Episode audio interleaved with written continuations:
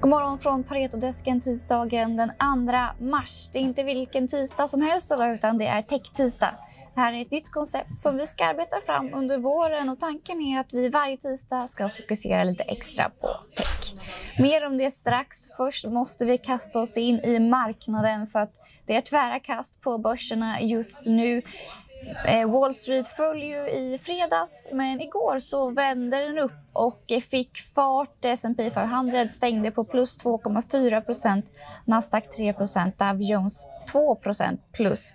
Och det som fick börsen att vända upp var dels den tioåriga räntan som föll tillbaka något, vilket då minskade inflationsoron.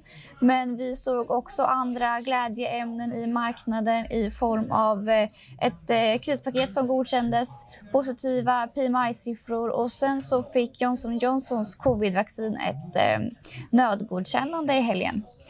Eh, vi såg att Apple steg 5% efter att eh, samtliga affärer nu är återöppna i USA. Andra techbolag som det gick bra för var en, också Netflix, Disney och Spotify. Men vi ser nu under morgonen att eh, ja, terminen eh, verkar ha vänt ner så det är ja, tvära kast och då är det viktigt att man fokuserar på rätt bolag och eh, det ska vi prata om nu i eh, första segmentet av Techtisdag.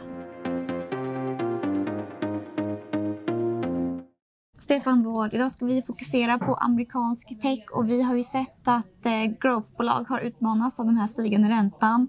Vi har fått en sektorrotation från tech till, eller från growth till value. Hur ser du på det här?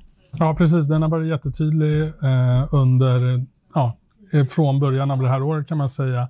Eh, där vi har financials och energi som absolut starkaste sektorer. Tech är faktiskt en underperformer så här långt, eh, year to date. Sen finns det olika delar i tech och det är lite det vi ska borra ner oss i senare och se var, var finns utmanande värderingar, var finns det värderingssupport, vilken typ av aktier man vill ha.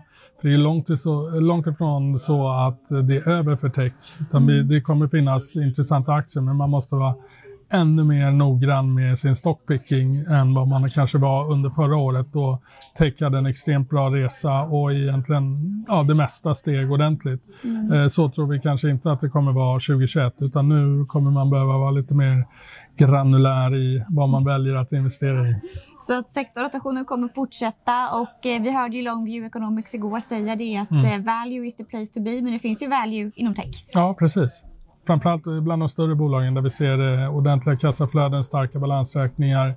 Eh, visst, lite utmanande värderingar, men vi tror att deras tillväxtprofiler absolut eh, motiverar de här värderingarna. Så där borde det inte vara så stor nedsida och i och med att de är så stor andel av tech totalt så inte säker på att det är så mycket brant nedsida för techs generellt. Då. Mm, och det här är alltså någonting som vi ska grotta oss eh, ner i senare under dagen så det kommer komma ut ett längre inslag om det här.